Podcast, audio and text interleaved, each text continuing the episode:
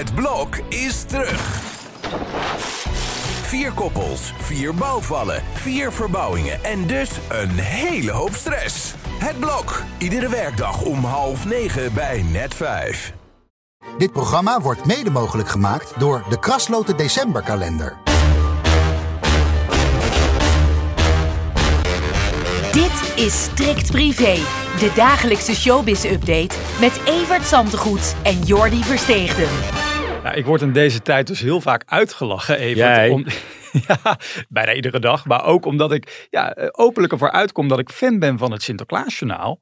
Ja. En met mij dus 1,9 miljoen mensen die gisteravond hebben hè? gekeken. Dat is toch... Dat is echt heel erg veel. Het moet dus zeggen, het is natuurlijk ook wel eens wat, wel wat anders dan wat je om acht uur te zien krijgt. het is echt een, het is ontspannen. Het doet denken aan vroeger. Het is nostalgisch. Ja, het is leuk om naar te kijken. En Ja. als de creativiteit van de NPO ooit ergens boven komt in de loop van het jaar, dan is het altijd wel bij dat Sinterklaasjournaal, vind ik. Ja, briljant gemaakt. En hopelijk gaat Diewertje ook nog jagen door. Er ging even een gerucht dat ze zou stoppen. Maar Diewertje, als je luistert, zonder jou is het Sinterklaasjournaal nergens. En ze heeft een goed voorbeeld, Sinterklaas zelf. Die, die stopt ook nooit. Dus eh, Heb je je laten vertellen door betrouwbare bronnen. ja, Even over dat echte journaal gesproken. En dan eh, met name NOS Sport. Mhm. Eh, zojuist hier uit de printer gerold. eh, de resultaten van dat lang verwachte waar ze een half jaar over gedaan hebben. De organisatie is uit balans, is de conclusie. Ja, En dat houdt in dat we Tom Egbers niet meer terugzien, geloof ik. Want die wordt helemaal niet genoemd, niet in eer hersteld. Er komt totaal niet te sprake. nee. En over hem ging dat onderzoek toch onder andere.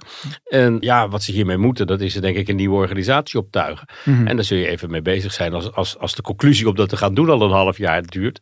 Maar eh, ja, het is een roemloos einde, lijkt het, van de carrière van eh, Tom Egbers. Zoals we dat in privé een maand of vier geleden al voorspeld hadden. Tja. Want eh, toen schreven we al dat de kans klein was dat Tom Egbers terug zou komen. Mede gelet op het volgend jaar wanneer hij 67 wordt. En dus met pensioen kan. En dat terwijl hij bij Galit toen aan tafel zei ja, dat hij vindt dat hij dit helemaal niet verdient om op deze manier aan de kant geschoven naar zo'n en carrière. er komt volgend jaar zomer nog een groot voetbaltoernooi aan. Ik denk dat hij het daarmee had willen afsluiten. Ja. En, en ik geloof niet dat hem dat gegund gaat worden. Maar ja, dat neemt niet weg dat hij freelance klussen nog altijd kan gaan doen. Dus dat we hem mogelijk misschien nog wel eens ergens zien. Ja. Of dat bij de NPO is, dat waag ik eigenlijk wel te betwijfelen.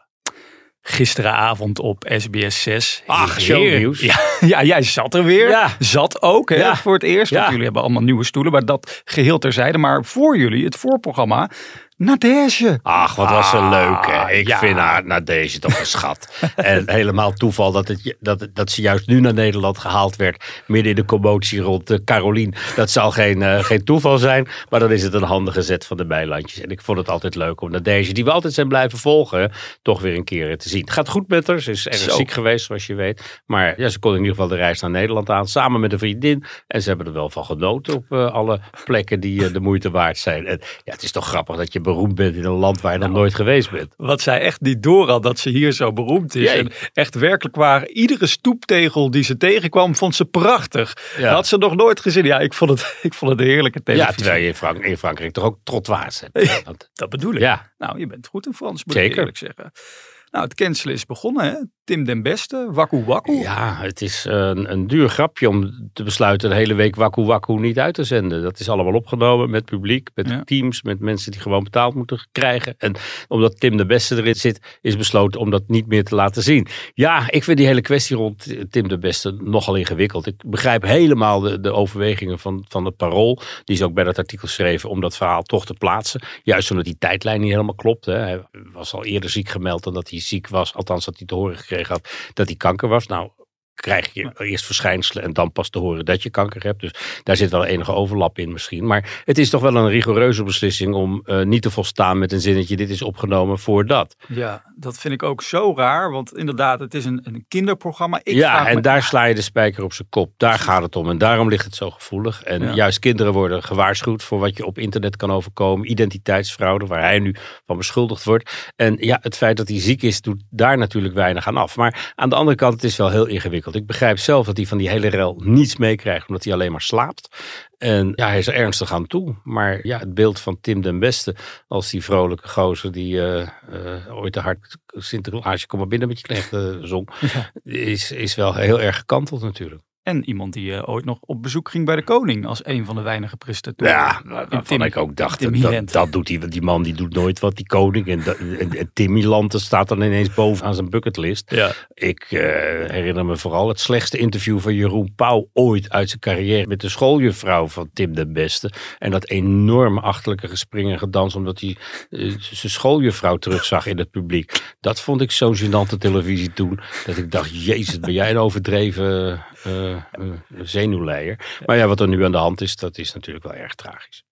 Nog even over de koning gesproken. We hebben natuurlijk onlangs die podcastreeks gehad van tien afleveringen met Edwin Evers. En daar wordt nu zelfs een boek van gemaakt. Ja, en dat is heel raar, want de naam Edwin Evers wordt op de omslag helemaal niet genoemd. Nou denk ik eigenlijk dat het een trucje is om Edwin Evers te omzeilen. Kijk, als je de vragen niet gebruikt en de antwoorden wel, Ja. dan heb je natuurlijk alleen met de koning te maken. Die begint geen rechtszaak. Die is wel gewend dat zijn toespraken gebundeld worden, want er zijn ook handige handjes, Elsevier geloof ik, Ja. die al troonredes en kersttoespraken bundelen. En dat kun je dan ook met eh, grote interesse teruglezen voor als je je oren niet eh, kon geloven toen, toen hij het uitsprak. Ja.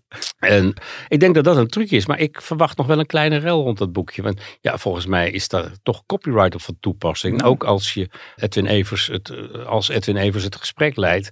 En ja, Hmm. hmm, nou, we gaan het wel zien. Het is nog niet uit, het boekje. Het komt wel in deze dagen. En dan gaan we het maar eens bekijken. Zou King Charles eigenlijk eh, behoefte hebben aan een podcast? Nou, ja, misschien. Je moet wel een koptelefoon vinden die, de, die, er, die erop past.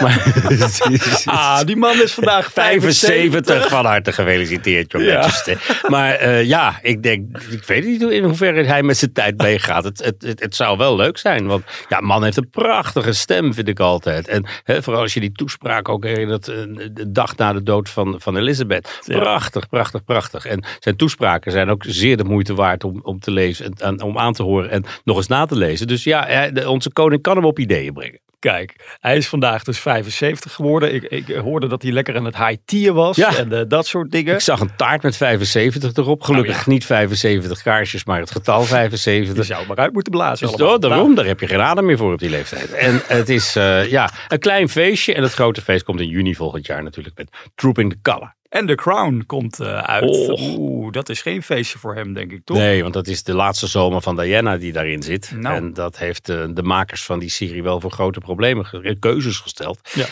We gaan het resultaat deze week zien, hè? eindelijk. We Jij, zin in. jij zit echt op het puntje van je stoel, geloof ik. Zeker, maar ik verwacht wel dat er wat juridische problemen verwacht worden. Normaal krijgen we die, die serie al te zien, maar dat is dit jaar niet het geval. En ik sluit niet uit dat dat te maken heeft met maatregelen die toch verwacht worden van, van William of zo. Die zit er bovenop. Die is ook ernstig tegen het feit dat ze Diana als geest laten opdraven in die serie.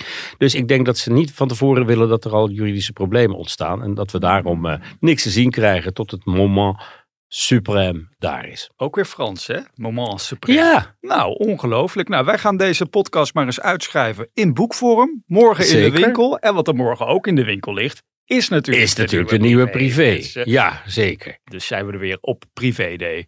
Au revoir.